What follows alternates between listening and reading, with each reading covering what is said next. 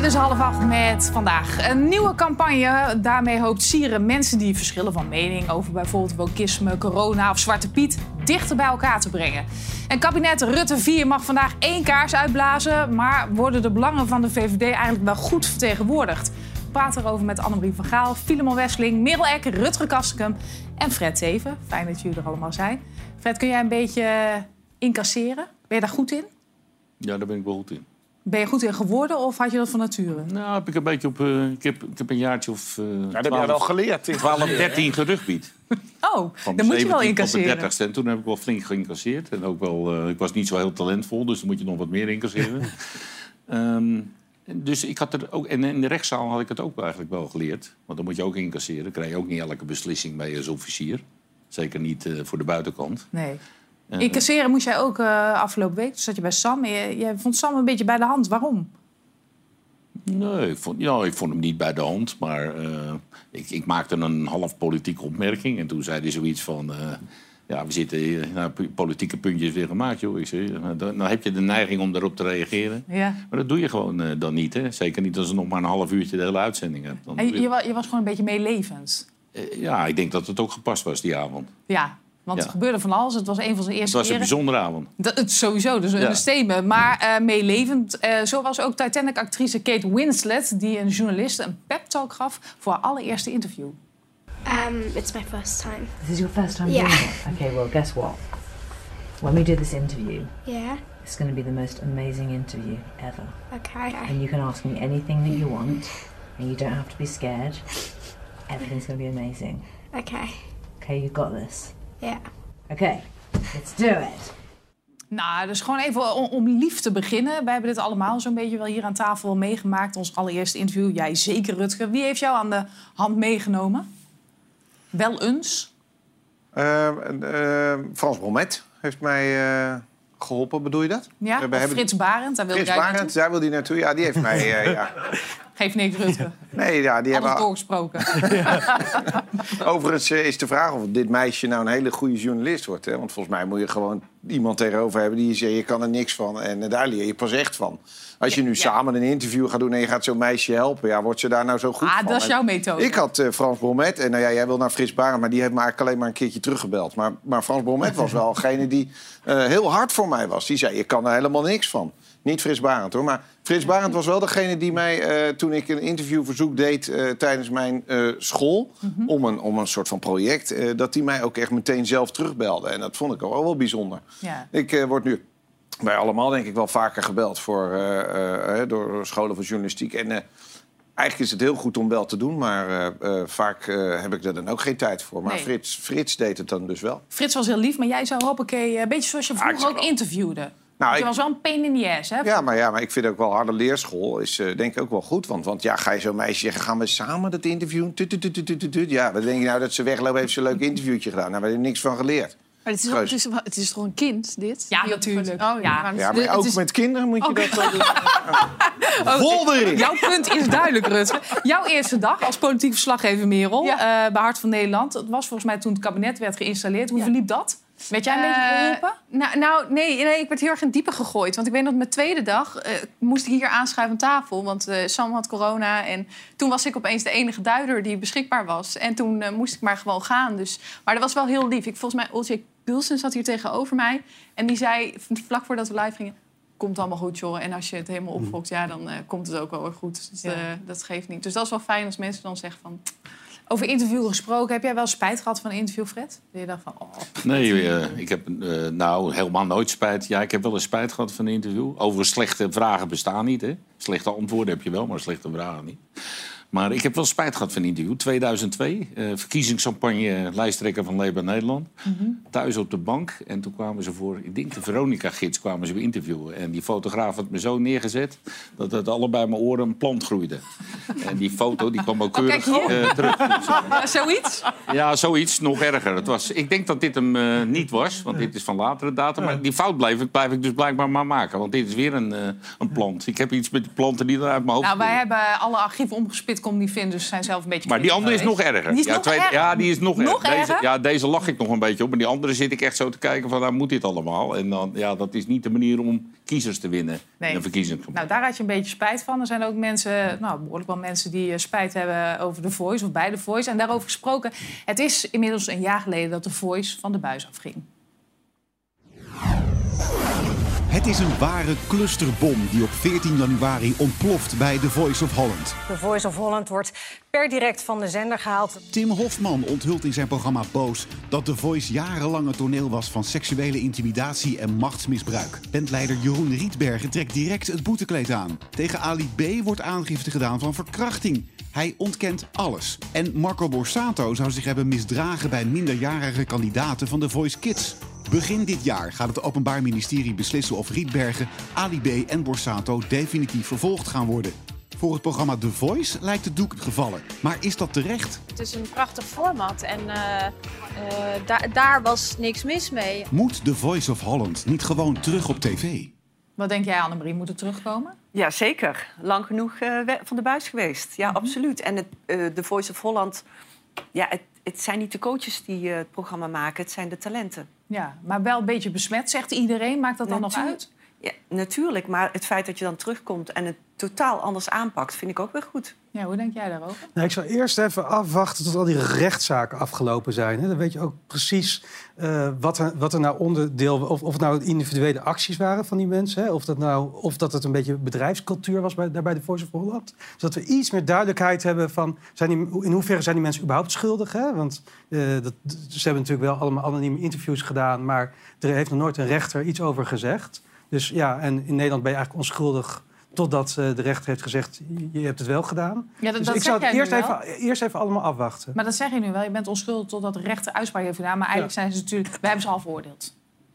Ja, Met z'n allen hebben we dat eigenlijk al gedaan. ja dus, maar dus, dus moet je daar als, als bestuurder of als manager van een tv-bedrijf... moet je daar eigenlijk ook niet meer in meegaan. Als ze vrijgesproken worden of als er geen zaak is... zouden ze dan terug kunnen komen?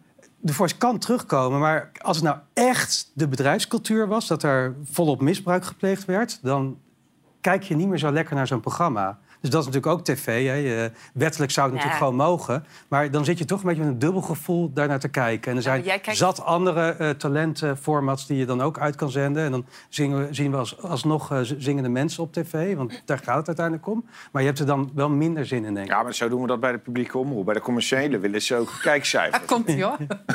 Ach nee, dat willen ze natuurlijk niet bij de NPO. Stel je voor. Wat Nee, jij kijkt eh, heel erg vanuit binnenuit naartoe. Hè? Van, is dat een bedrijfscultuur en moeten we het dan nog, nog wel willen?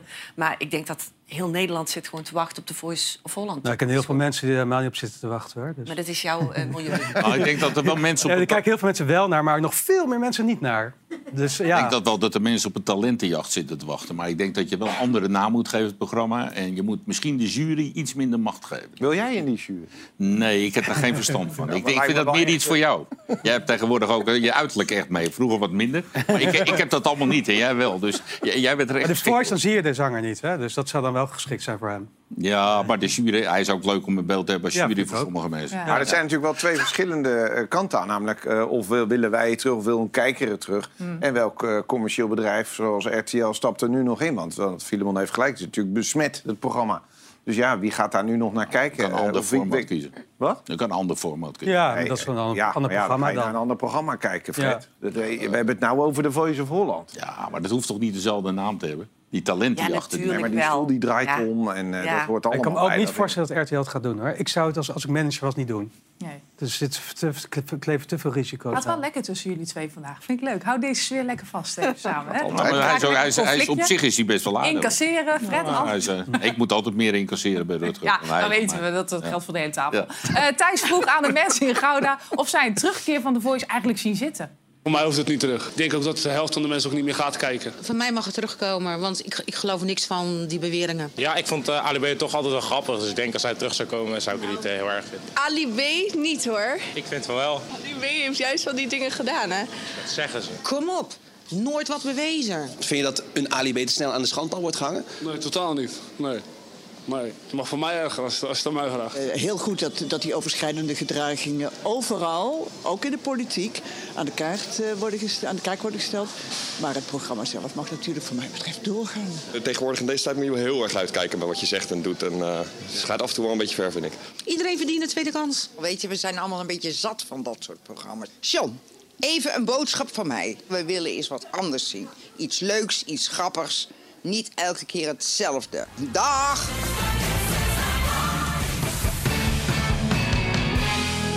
Nou, dan moet deze mevrouw gewoon lekker naar half acht kijken. Hè? Eh, wie zou we dan in de jury willen zien? Enig idee? Wie zou we in de jury willen zien als ze terugkomt? Jij? Het moet wel een beetje een spraakmakend iemand zijn. Ja. Mm, Dree Hazes? Dree Hazes, ja, want die staan nog niet genoeg in de schijnwerpers natuurlijk. Nee. oh, flauw, dat is een heel, heel flauw sneertje. Wat denk jij, Merel? Uh, of zo zou ik wel leuk vinden. Oh ja, dat zou ook nog kunnen. Ja. Nou, dat is behoorlijk creatief deze tafel. Nee, joh.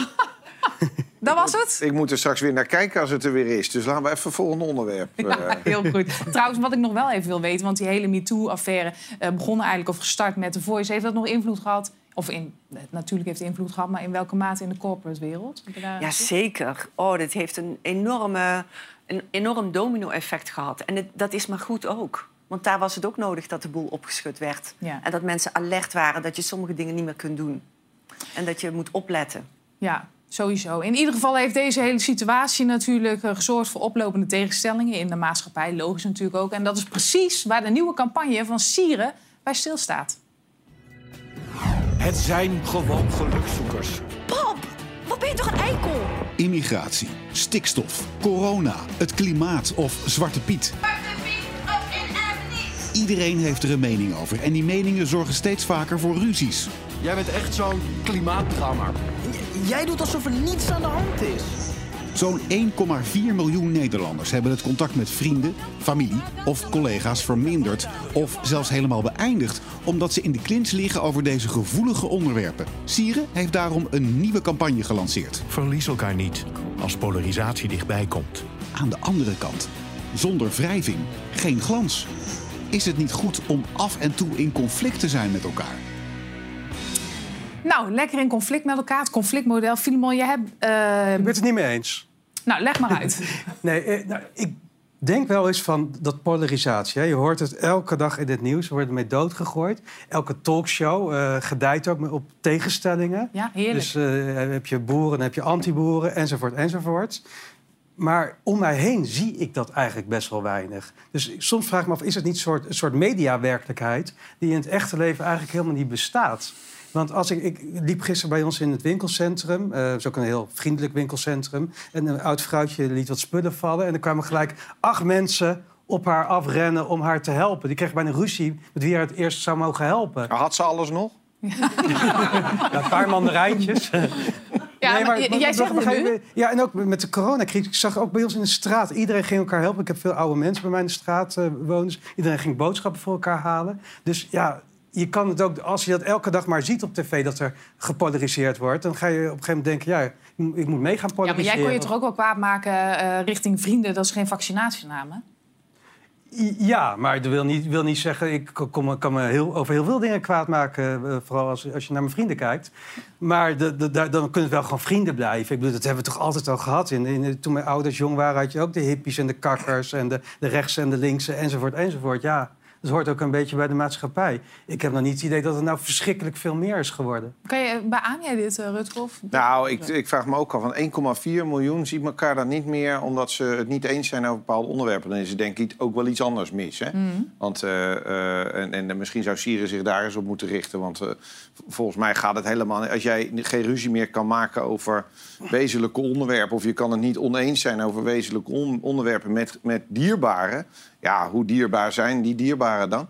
Maar aan de andere kant, uh, jij zegt Filemon, misschien valt het eigenlijk wel mee met die polarisatie. De media maakt het groter, dat zou best wel kunnen. Maar als ik het heb over onderwerpen als stikstof, corona, wokisme, zwarte piet, migratiebeleid, klimaat, dat is pure polarisatie, Fred. Kun je zelfs in je eigen familie natuurlijk hebben. Uh, dat loopt wel eens door de generaties heen, die polarisatie. Dat je best wel heftige discussies. Ik heb ze in mijn eigen, eigen familie wel. met mijn kinderen... die ja, veel meer bewust eh, met dat klimaat omgaan en met alles wat er speelt. En dat is echt ook een generatiedingetje. Eh, dus dat, dat heb je wel. Maar om, ik ben het wel eens, ja, dan ben je niet meteen eh, dan zeg je niet tegen je familieleden goodbye. Overigens, die, die publiekscampagnes is wel grappig. Want ik, ik zag van de week een campagne van het ministerie van Binnenlandse Ja, die hebben we allemaal gezien. Ja, leg uit. ja, over, eh, over, over die, huizen, die huizenzoekerij. is hij. Nou, Erik en Nou, Annemarie die krijgen morgen de sleutel. En oma en Samira niet. Als je het nou over polarisatie hebt... dan is dit een campagne pro-polarisatie. Dat, dat haalt nou niet echt de polarisatie uit de samenleving, deze campagne. Dus als je dit soort campagnes doet... dan moet je tegelijkertijd als overheid er wel om denken... dat je niet een ander ministerie eh, vol gas eh, de polarisatie bepleit. Want dit is natuurlijk bij uitstek iets waarvan ik denk... ja, Klopt het inhoudelijk? Nou, dat is een hele interessante vraag. Kan ik niet helemaal meteen beoordelen. Misschien zelfs wel niet tegenwoordig. En B, denk ik dat dit nou juist eh, de discussies verergert. Dan raken niet 1,4 miljoen mensen elkaar kwijt, maar 2,8 Ja. over een jaar met dit Mhm. soort campagnes. In hoeverre speelt polarisatie een rol bij de politiek? Eh, heel erg. En ik denk ook dat de polarisatie eh, ook komt door wat mensen in de politiek zien. De manier waarop de politiek naar de eh, samenleving communiceert. Dat gooit ook vaak olie op het vuur. Onduidelijk bedoel je? Of wat bedoel je? Onduidelijk. eh, ehm, lekken bijvoorbeeld, dat soort dingen. Dus kleine beetjes lekken, waardoor er een ene groep wel misschien tevreden is en de andere niet. Eh, waardoor je weer tegenover komt staan. Zo'n campagne inderdaad is natuurlijk onwijs slecht getimed... en inderdaad ontzettend polariserend. En daar eh, lijken ze dan toch niet over na het- te hebben gedacht. Maar toch, Merel, ik, ik- dan moet ik even vragen. Dan weet jij ook, Fred, eh, lijkt niet over nagedacht... maar er is toch een heel team aan mensen die Zeker, ja, daar dus dat- hele vergaderingen het is over hebben gehad. onvoorstelbaar. Inderdaad, kijk aan de andere kant. Je, zou, je kan nog denken, nou, omdat het zoveel ophef veroorzaakt, heeft iedereen, er, heeft iedereen het er nu over. Maar totaal niet op de manier waarop je wil. Want volgens mij is de intentie van deze campagne geweest om op de particuliere woningmarkt woningdiscriminatie. Dus dat Omar en Samira geen huis verhuurd krijgen omdat ze zo heten en Erik Annemarie niet. Terwijl vorig jaar zagen we dat statushouders voorrang kregen bij sociale huurwoning. En daar valt iedereen over. Want als je die poster zo op het eerste gezicht, eh, gezicht ziet, denk je ja, hallo. Maar vorig jaar hebben toch juist die statushouders voorrang gekregen. Dus de hele communicatie weer rondom zo'n poster is, slaat gewoon totaal de mis bijzonder aan alle eh, kanten. hoe dat dan werkt. Dat er niet één iemand, Fred, eh, is die zegt van... lijkt me niet zo'n goed idee. Nou ja, ik denk dat je als je... Je hebt natuurlijk op die departementen, en Sieren valt ook onder zo'n departement... heb je alle mensen die zich met voorlichting bezighouden. Nee, dan moet je Sieren- ook dat nog een beetje coördineren. Sier is niet van de overheid. Nou, is niet van de overheid, maar daar heeft de overheid wel, wel een stem in. En, en dan denk ik, ja, je moet als voorlichters dat toch een beetje naast elkaar leggen. En zeggen, nou, we gaan op grote schaal campagnes lanceren. Dit zijn er dus twee die we hier vandaag zien.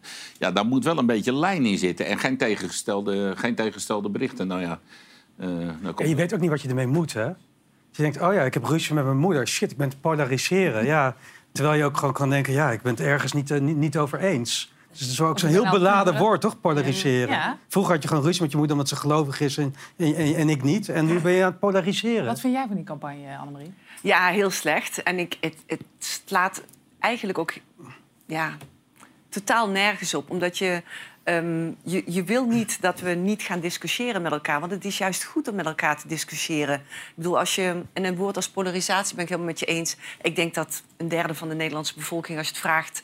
Van leg het eens uit wat het is, dat ze het niet eh, zo meteen kunnen uitleggen. Dus het is ook, het, het is ook een soort vakjargon van de overheid. En, en het is goed. Het is goed om met elkaar te discussiëren. Je moet niet een, een samenleving krijgen waar mensen alleen maar het midden houden en elkaar een beetje Dat is het één. vriend Aan houden. de andere kant, eh, open communicatie ben ik altijd voor. Aan de andere kant, we hebben natuurlijk ook te maken... en ik geef het al wel eens eerder aan... de ziekte van deze tijd is toch ook wel social media... wat daar allemaal gebeurt. Nou ja, en dat werkt natuurlijk wel de, de Is dat een katalysator? Dat is wel een katalysator, vind ik, ja. En wat, moet, wat zouden we daarmee kunnen doen? Nou, dan had je het daarop moeten richten misschien. Van, joh, Ja, kijk maar is dat nou zo? Want eh, eh, social media zit iedereen in zijn eigen bubbel elkaar na te praten. Volgens mij is daar nou juist helemaal niet zo Of elkaar aan te vallen. Ja, maar het is, is onderling met elkaar, toch? Maar goed, het is ook mensen hun eigen verantwoordelijkheid. Als je nou een heftige discussie over klimaat of over migratie hebt... en die kan je inderdaad met je vrienden of je familie hebben... op een gegeven moment is iemand dat wel zat, die discussie. Hè? Als je hoog oploopt, dan zeg je... jongens, we gaan even wat anders doen. Is, is, Hè, is het even afkoelen met z'n allen. dan, 1,4 eh, mensen geen contact meer hebben? Ja, Ja, jij als- ziet in alles het dat, goede. dat een relatie al bederft, denk ik, ja, prima. Anders hebben ze bij Het is ook heel goed om af en toe afscheid te nemen van elkaar. Anders hebben ze bij het familiediner ook geen kandidaten meer. Jongens, er is heel goed nieuws. Is heel goed nieuws. De koffiepads en de theezakjes die mogen sinds vandaag in de GFT-bak. Nou, lekker zeg. En dat komt omdat fabrikanten het materiaal hebben aangepast. En dat is een mooi bruggetje naar recyclen. Doen jullie dat allemaal, recyclen? Tegen wil en dank, ja. Ja, tegen, hoe bedoel je? Nou ja, daar word ik natuurlijk op aangesproken dat ik alles in dezelfde bak gooide. Dus eh, tegenwoordig moet ik het dan ook allemaal scheiden natuurlijk en zo. Dus ik ben heel... Ja, ik, ik denk ook eh, om, om de volgende generaties te Maar ik vind het ook heel irritant. Je kan tegenwoordig gewoon een soort fabriek verzinnen...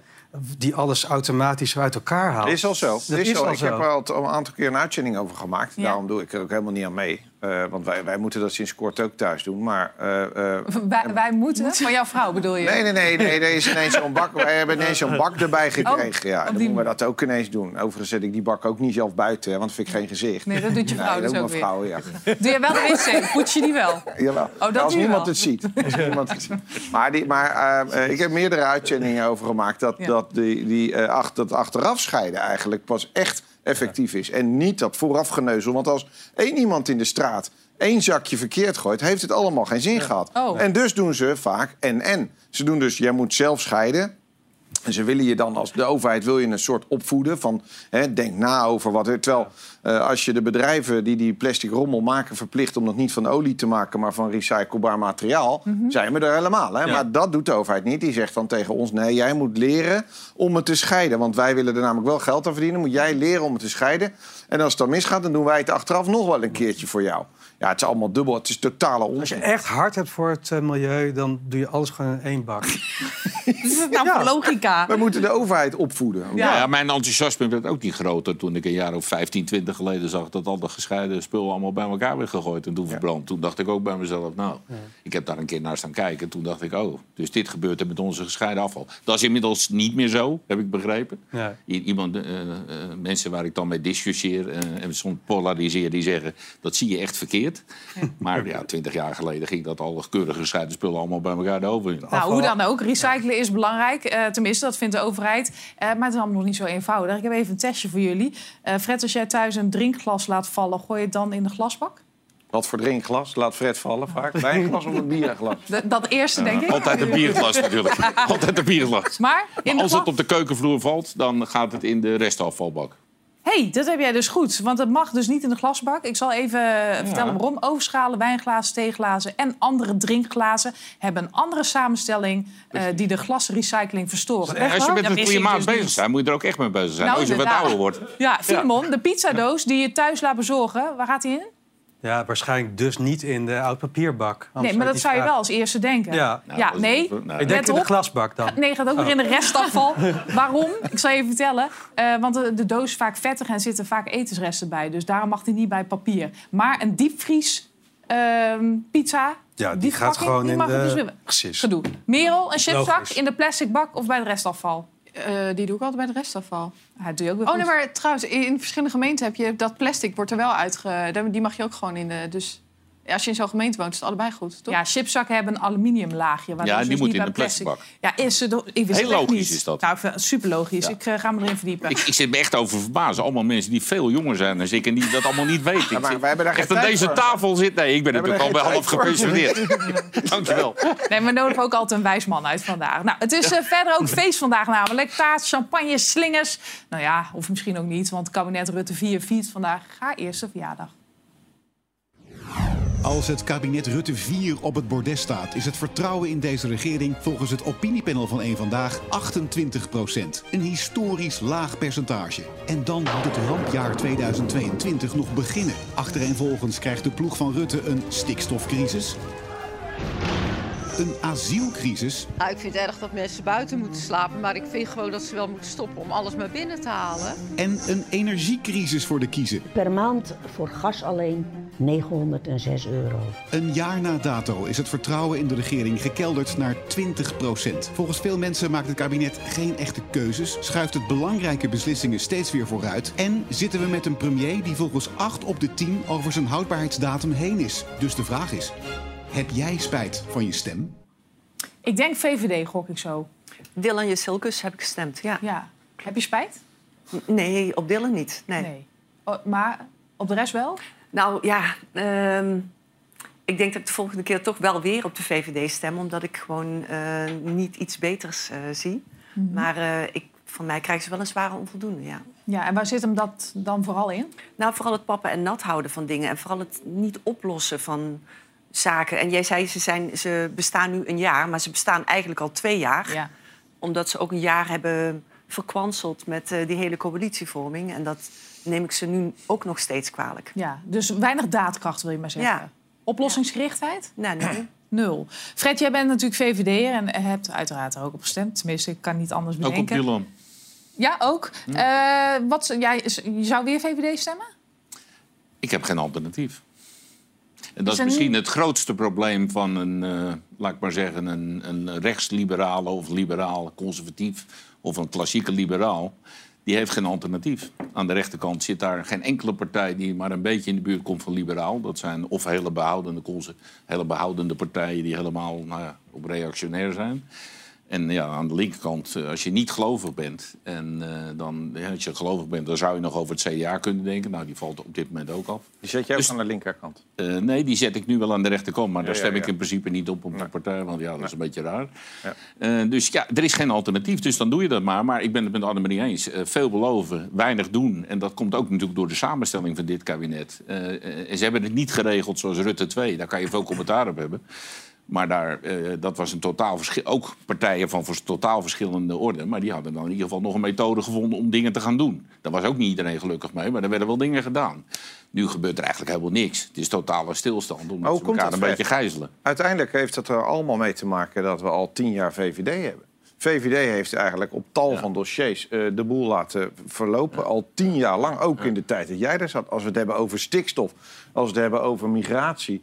als we het hebben over Groningen. Alles is de VVD. Ja. Nee, de VVD is overal de schuld van. Dat Nou, ik nou ja, in de- nou ja, Nee, kijk, eh, ik, ik zie dat anders. Ik denk, niet, ik denk wel dat de VVD als grootste partij natuurlijk ook een, een zware verantwoordelijkheid heeft. Dat, dat, is, dat heeft, dat is zo. Eh, en Mark Rutte heeft daar ook een verantwoordelijkheid in. Eh, maar de andere kant, de, er is ook weinig alternatief natuurlijk. Er waren nog maar weinig partijen bereid om, om te gaan regeren. Er was bijna geen andere coalitie te maken dan wat er nu zit.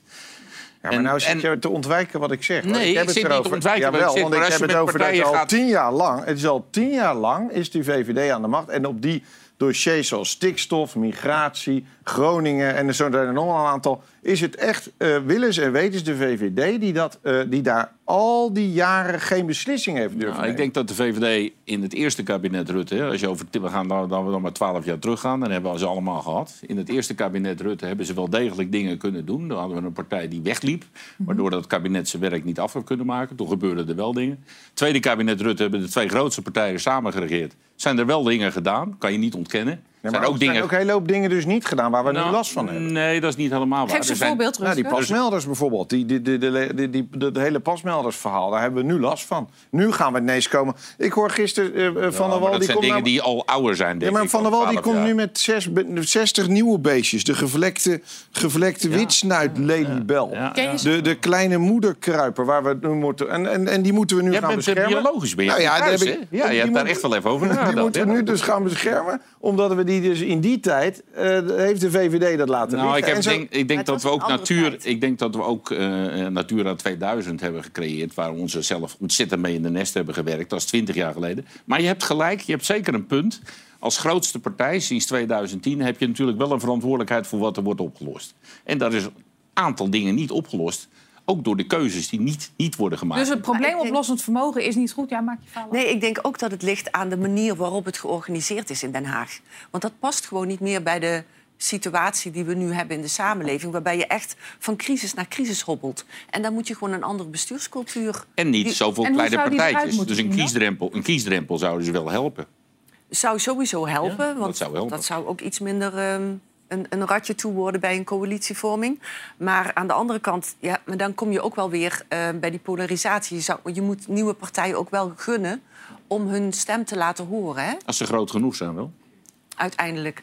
En ehm, nee, ik denk dat je veel meer een soort probleemoplossers moet hebben. Dat je ook eh, de Tweede Kamer, de manier met moties indienen, met Kamervragen, eh, beleidsnotities, zulke pakken rapporten die niemand leest, die gewoon onder in de la worden gelegd. Niemand die iets aanpakt en het ook naar het einde brengt binnen een afzienbare tijd. Alles is zo, zo ja, mijn moeder zou zeggen, zo traag als poep in een trechter. Maar zo zou weinig... niet eh, de politiek gewoon in moeten, zit ik nou te bedenken?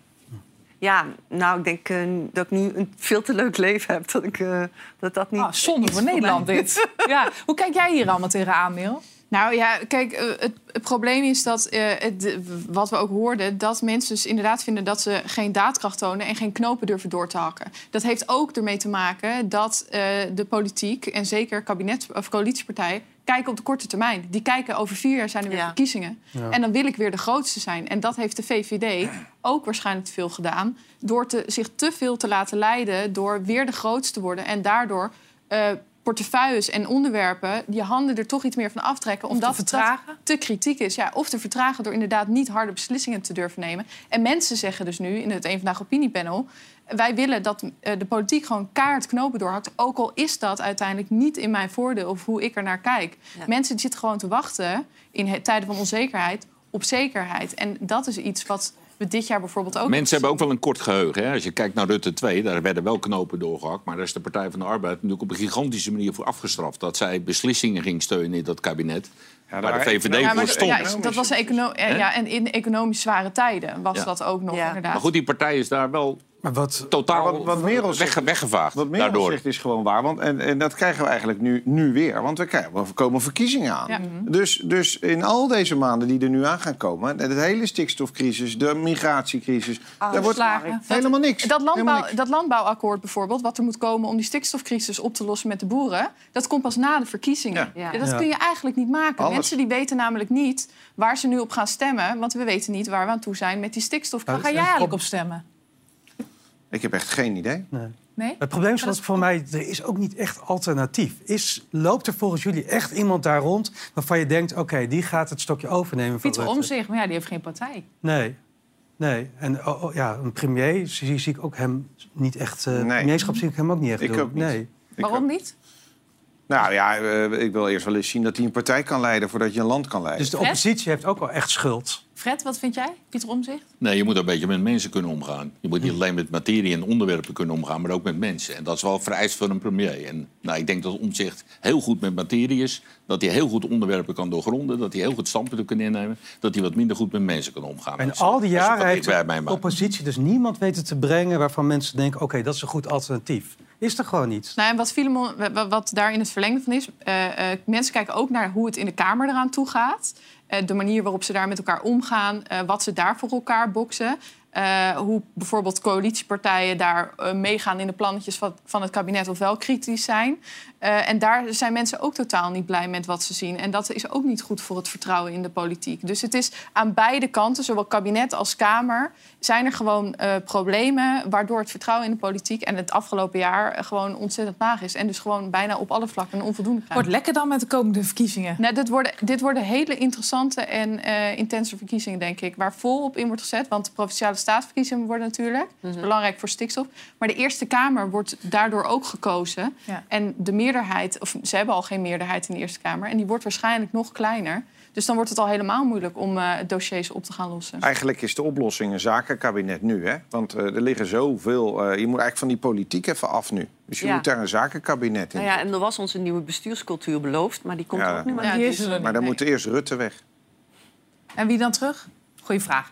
Eh, we hebben bijna de hoogste inflatie in bijna 50 jaar. En dat betekent dus ook financiële problemen voor heel veel mensen. Praktisch voorbeeld is natuurlijk de basisproducten zoals melk, kaas, eieren. Allemaal duurder geworden.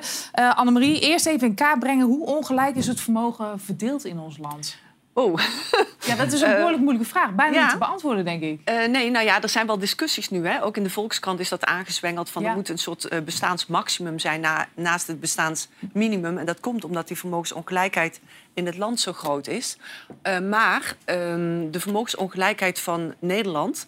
daar zitten we inderdaad onderaan in het lijstje met landen... Hè, van de OECD-landen. Ja. Maar eh, we rekenen 200, twee- sorry, 2000 miljard aan vermogen. Ja. Dat is spaartegoeden, dat is ehm, geld wat in de overwaarde van je woning... dat is geld wat in bedrijven zit. Maar we, we rekenen niet mee de 1700 miljard pensioenvermogen... wat ook een gezamenlijk bezit is. Als je die wel meerekent, dan eindigen we niet onderaan het lijstje... dan eindigen we bijna bovenaan het lijstje.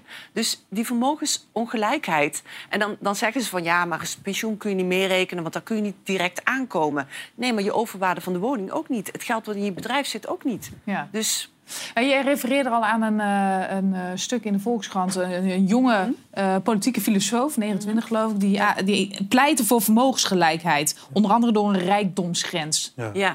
Pleit je daar ook voor? Of denk Nee, natuurlijk niet. Nee, nee. En dan, eh, dan was het, het verhaal van de hoogleraren dat je boven de 2,2 miljoen, dat is ook maar een bedrag wat ze zo hebben gekozen, zou het dan afgerond moeten kunnen worden en zou door de overheid en zou de overheid het kunnen herverdelen. Maar ik denk dat dit een soort recept voor een totale onvrede in de samenleving is.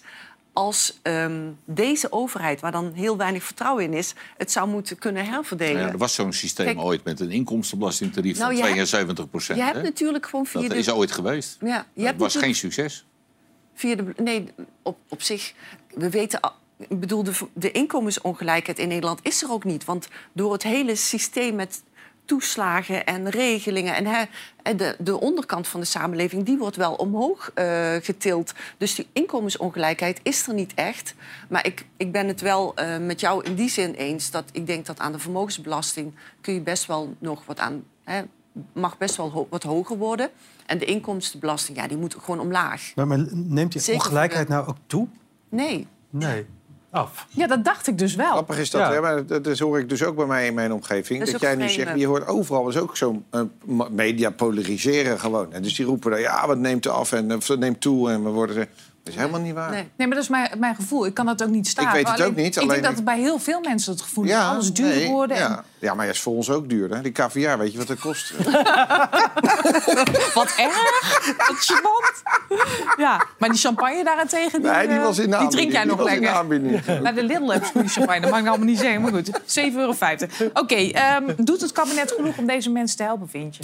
Nee, nou, we hadden het net over dingen die niet werden eh, opgelost. Eh, kijk, we weten allemaal dat die krapte op de arbeidsmarkt... eh, die blijft gewoon bestaan, omdat er zo'n grote groep niet meer gaat werken... of überhaupt niet gaat werken, omdat ze door dat hele stelsel van toeslagen, regelingen en heffingen... gewoon ja, liever blijven zitten waar ze zitten. Ja. En het was ons ook tijdens Hoe groot de is die laatste... groep dan? Eh, nou, in ieder geval voor de bijstandsgerechtigden is er toch wel... Nou, ik denk dat je zeker over 200, 300.000 mensen praat.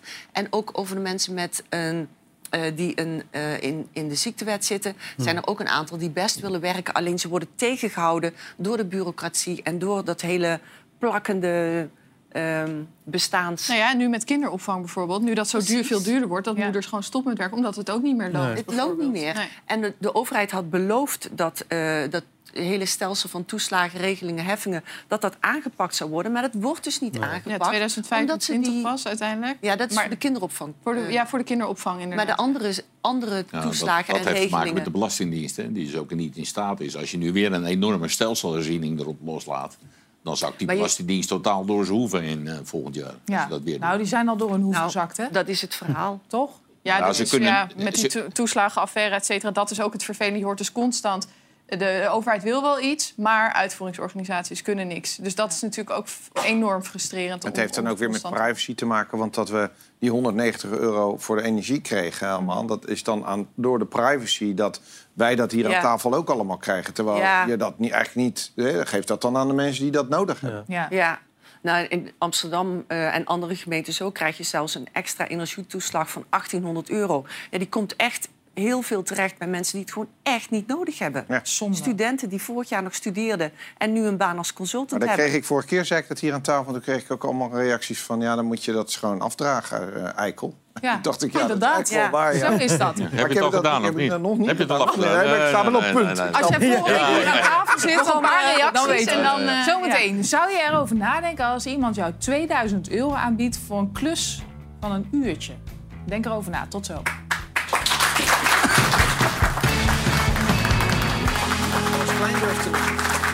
Welkom terug. Hebben jullie wel eens gebruikt?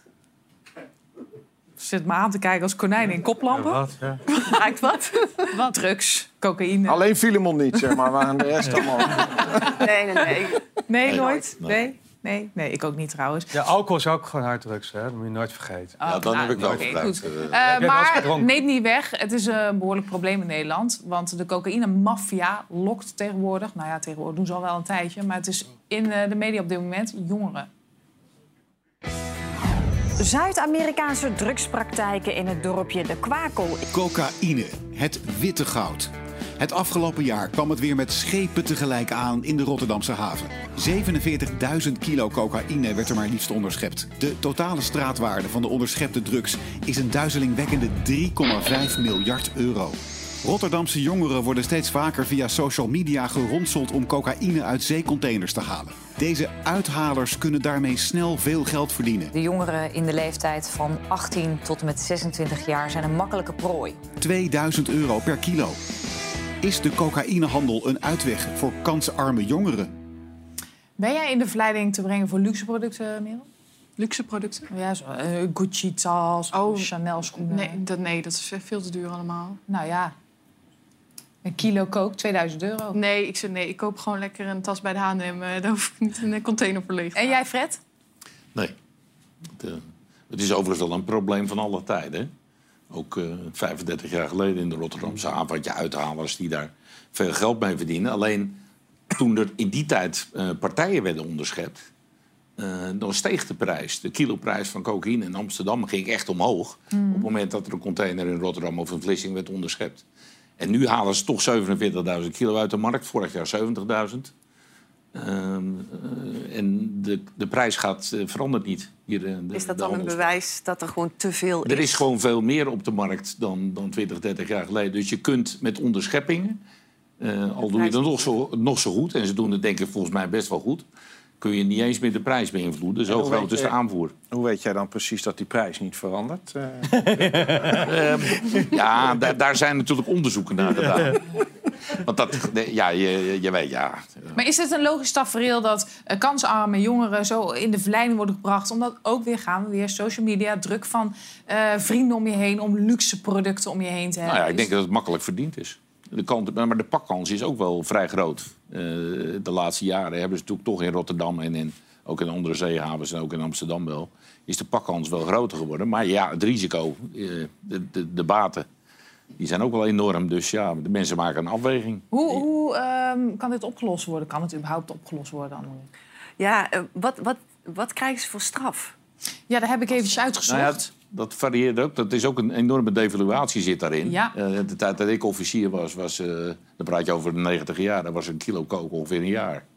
Maar voor de uithalers. Voor de uithalers hebben ze recent volgens mij nu de wetten aangepast... waardoor je een hogere straf... iets hogere straffen. Maar dat, maar dat schijnt in de praktijk nog niet gegeven te worden. vaak. Nee, dat, is- daar zit de maximumstraf is wel verhoogd. Maar dat betekent Ja, dat jeugddetentie en resocialisatietrajecten. Maar het is afhankelijk van de situatie eh waarin je zit. En Ook hoe verkeerd je het qua gedaan familie- hebt. Precies. Dat, dat, dat- en of je andere delicten hebt gepleegd, dat komt er natuurlijk ook allemaal bij. Aan de andere kant, eh, Femke Halsma zei laatst... de war on drugs ehm, winnen we niet, kunnen we nooit winnen. Misschien moeten we drugs, harddrugs wel legaliseren. Hoe kijken jullie daarnaar? Dat, dat vind ik echt... Dat vind ik zo raar. Daar heeft de minister van Justitie ook... eh, Waarom, Filemon? Omdat het heeft decennia niet gewerkt, toch? Er zijn miljarden ingestoken. Eh, eh, Er is alleen maar, Fred zegt het terecht... Er is meer eh, drugs dan ooit op, op, de, op de markt. Ja, wa- waarom zou je ermee doorgaan? En het kost klauwen met geld. Stel je voor, je pakt een beetje van het geld en je stopt dat in voorlichting. Eh, je gaat eens echt kijken waarom die jongeren die hier in Rotterdam die drugs uit de containers gaan halen, waarom ze dat doen. Nou, snel geld verdienen. Ja, maar ik denk dat het ook bepaalde jongeren uit bepaalde wijken zijn. Dat zijn niet de, de, Nee hoor, dat de zijn, jongeren... in- daar, zit, daar zitten ook wel jongeren bij die eh wel gestudeerd hebben. zullen erbij zitten, zitten maar er uiteindelijk... eh, ik denk als je als, als, als jongere heel veel kans hebt in het leven... je gaat denken, ga ik dit risico nemen voor die paar duizend euro... maar ik riskeer wel een strafblad of, en, een, en een, ja, een aantekening in mijn paspoort... voor de rest van mijn leven, zou je dat dan doen? Maar we Ik zijn vind dat ze de- daar, er is zoveel bezorgd ook op jeugdzorg. En ik weet, het is een beetje een softe manier van denken, weet ik... Maar ik denk Soft? uiteindelijk dat daar wel heel veel eh, te vangen is al van tevoren. Dat je meer de symptomen gaat bekijken dan eh, de symptomen niet weet- gaat bestrijden, maar meer de kern van de Weet je wat ik een beetje bijzonder vind? Verboden goederen zoals cocaïne, daar moeten we, dat moeten we allemaal vrijgeven. En als mensen een sigaretje willen opsteken in Nederland... en een glaasje bier willen drinken... dan moeten we dat zwaar belasten en ontmoedigen. Ja. Wij hebben een raar landje. Dus Ja, maar wel- goederen maar wel- die toegestaan zijn, daar zeggen we van... dat moet je tegengaan. En goederen die verboden zijn, daar zeggen we van laat maar gaan. Ja, dat maar- is echt, echt een, de dat omgekeerde wereld. Nee, nou, dat hoor ik, hoor ik jou Nee, zeggen. helemaal niet. Wa- wa- waarom? Filemon, dat is Filemon. Ja, ik weet het. Ik ken hem van spuiten en slikken. Ja, ja, nee. Neem hem toch niet serieus? Maak je maar nee, het is heel arbitrair, het is heel selectief. Van waarom, waarom, moet je, waarom tabak dus wel legaal en harddrugs niet?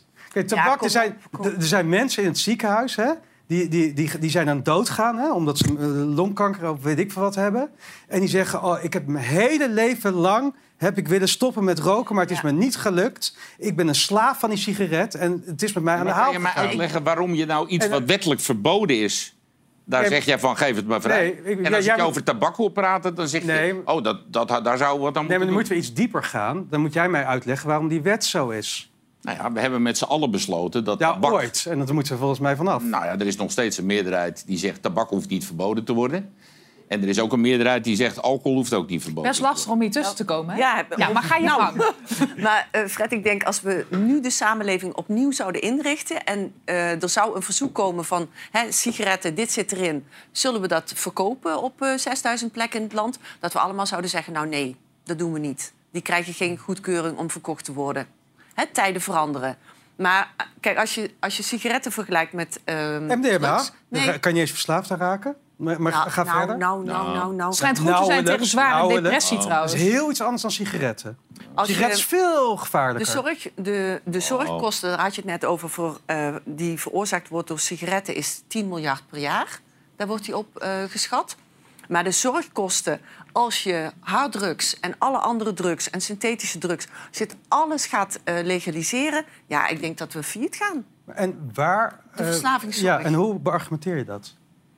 Hoezo? Hoe Ja, je zegt, ik denk dat we daar aan failliet gaan. Maar dat is toch helemaal niet gezegd? Dat, dat, dat, dat zeg jij nu gewoon. We krijgen Maar toch dat is nog meer helemaal- jongeren die En- gewoon niet kunnen leren... maar ze omdat ze al allemaal- met hun zeventiende hun hersenen zo vervuild zijn... Ja. dat ze niet meer naar school Maar dat kunnen. zijn nogmaals, dat zijn We hebben allemaal... nog meer van dat soort ja, maar jongeren. zijn allemaal aannamen. Dus er zijn Nee, dat zijn landen... Nou, De- de- dat zijn experiment wil ik niet aan. nou, welke? De, volgens mij niet. De Want- Verenigde Naties hebben jaren geleden, dat, hebben ze, dat doen ze elke tien jaar, gaan de, Verenigde- de Verenigde Naties kijken van wat moeten we nou wel en niet, wat voor goederen moet je nou legaliseren, wat moet je nog verboden houden. Van deze goederen, harddrugs, daar wordt al over de hele wereld van gezegd, moet je niet vrijgeven. Heroïne, cocaïne, niet Er- vrij. er is een, Tot slot? Ja, in Frankrijk ma- mag je blowen, hè?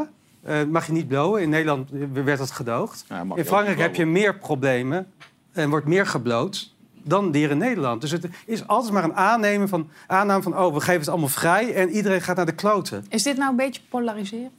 Nee, het is gewoon een goede een discussie. Heel goed, discussie. mooi. Ja. elkaar een hand. Ja, en, Doe Heb dat jij maar. dan een biertje nog na Ik wil allemaal gasten bedanken. Morgen En dan nog van Sam, onder meer Helene Verrooyen en Martijn Fischer. En kom je nog een keertje terug, Annemarie? Als je ertussen kunt komen, je wel. Hè? Kom op. Bedankt allemaal eh, voor jullie aanwezigheid en een fijne avond. Bye.